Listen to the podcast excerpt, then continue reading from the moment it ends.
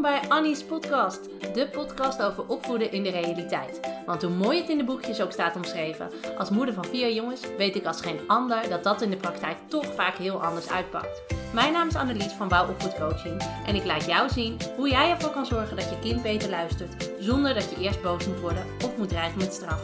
Op een nuchtere, praktische, humoristische en realistische manier. Veel plezier met deze aflevering van Annie's podcast.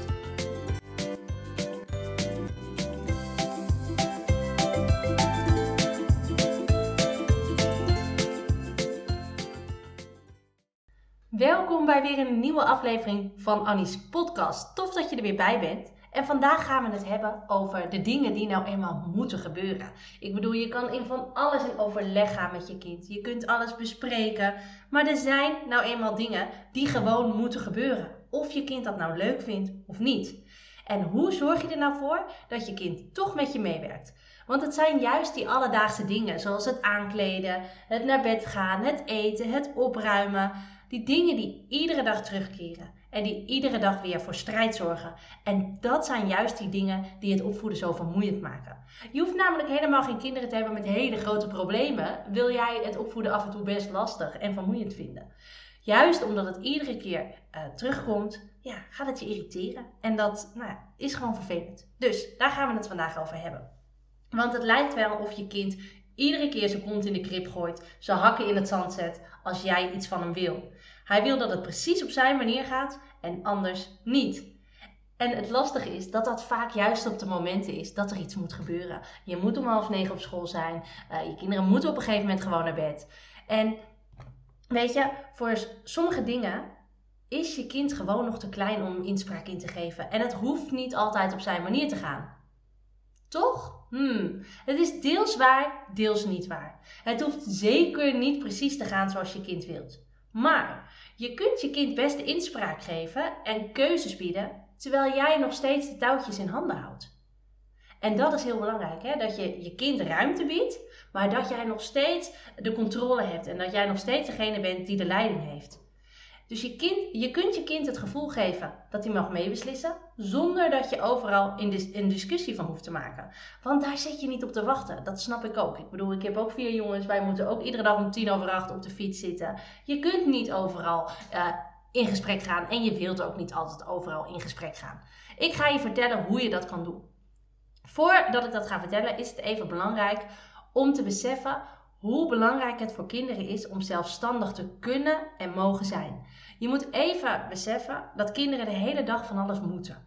En wij bepalen als ouders een heel groot gedeelte van de dag voor kinderen. Denk maar eens aan waar we vandaag naartoe gaan. Of ze naar de BSO gaan of naar opa en oma. Hoe laat ze wat lekkers mogen. Wat er in hun lunchtrommel zit. Nou ja, et cetera, et cetera. En daarom is het belangrijk dat je weet dat het voor een kind, en voor volwassenen trouwens ook, heel belangrijk is om het gevoel te hebben dat hij zelfstandig kan en mag beslissen. Want op het moment dat een kind zelfstandigheid voelt, voelt hij zich namelijk serieus genomen. En dat is echt essentieel. Hij heeft het gevoel dat zijn meningen ook toedoet. En dat hij niet klakkeloos hoeft te volgen wat jij zegt. En dat is voor kinderen echt een heel belangrijk punt. Daar groeit ze zelfvertrouwen van. En hij heeft het gevoel dat hij echt iets kan.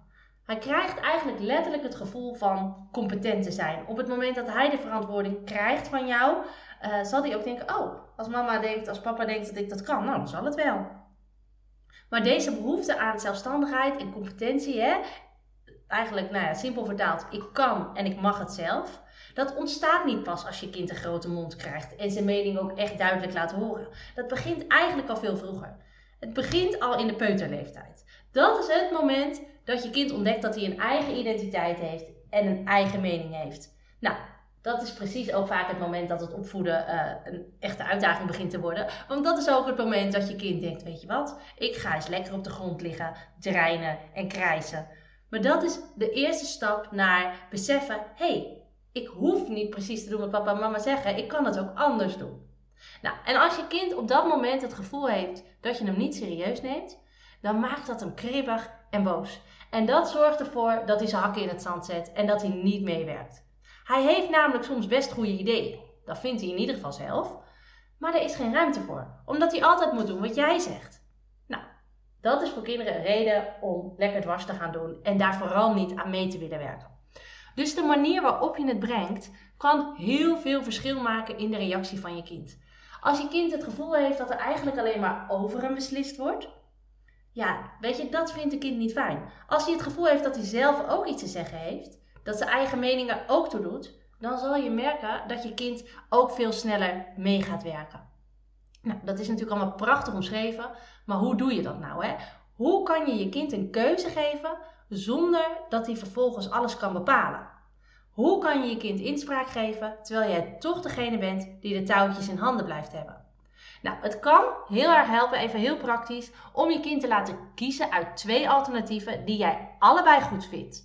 Je kind heeft dan het gevoel dat hij inspraak heeft, en dat heeft hij ook, en dat hij een keuze heeft.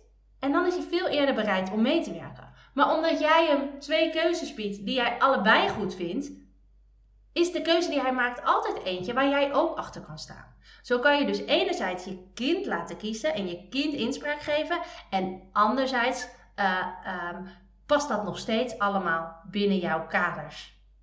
En dat is heel belangrijk. Je kind kan kiezen binnen jouw grenzen en binnen jouw kaders. Even een concreet voorbeeldje. Je kunt bijvoorbeeld zeggen. Uh, kom, we gaan opruimen. Nou, geheid dat je kind zegt, joe, uh, mij niet bellen. Uh, daar heb ik geen zin in. Maar als je het eens andersom zegt en je zegt, zullen we eerst de Duplo of eerst de knikkerbaan opruimen? Weet je, dan is de kans veel groter dat je kind um, daarin mee gaat werken. Of uh, als je zegt, trek even je schoenen en je jas aan, we moeten weg. Nou, gaat je, heeft je kind geen zin in, wordt hij dwars van. Je kunt ook zeggen, hey, we gaan zo weg. Trek je eerst je schoenen aan of eerst je jas? Als je kind naar boven moet om uh, naar bed te gaan, kun je zeggen, up, tanden poetsen, plassen en naar bed. Of je zegt, wat ga je eerst doen? Plassen of tanden poetsen? Voel je een beetje wat ik bedoel?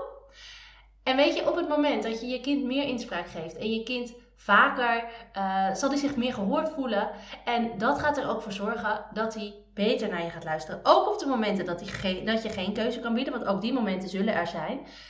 Um, zal hij toch eerder je grens accepteren. Omdat hij weet dat als het wel mogelijk is, dat jij hem die inspraak biedt. Dus mijn motto is eigenlijk altijd een beetje: um, beweeg mee waar het kan dan kan je grenzen stellen waar het moet.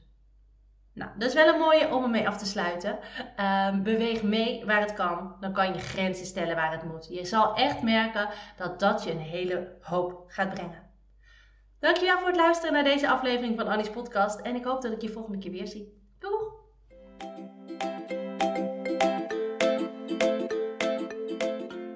Superleuk dat je deze podcast hebt beluisterd. Kan je nou niet wachten tot de volgende aflevering van Annie's podcast? Ga dan naar Instagram, zoek me op via wouwlaagstreepje-opvoedcoaching, want daar deel ik iedere dag toffe en inspirerende tips met je.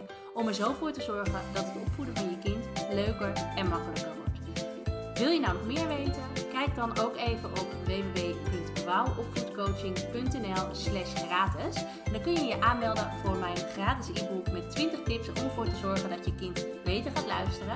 Of je kunt je alvast aanmelden voor het webinar Stop met politieagentje spelen. Allebei gratis, dus je hebt eigenlijk geen enkele reden uh, om het niet te doen.